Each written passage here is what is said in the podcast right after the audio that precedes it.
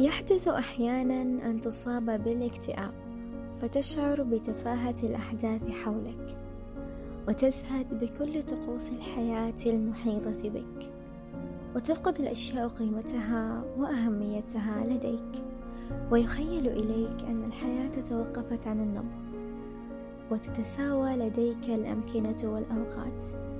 تبقى وحيدا وتبقى بعيدا لا شيء معك سوى إحساسك.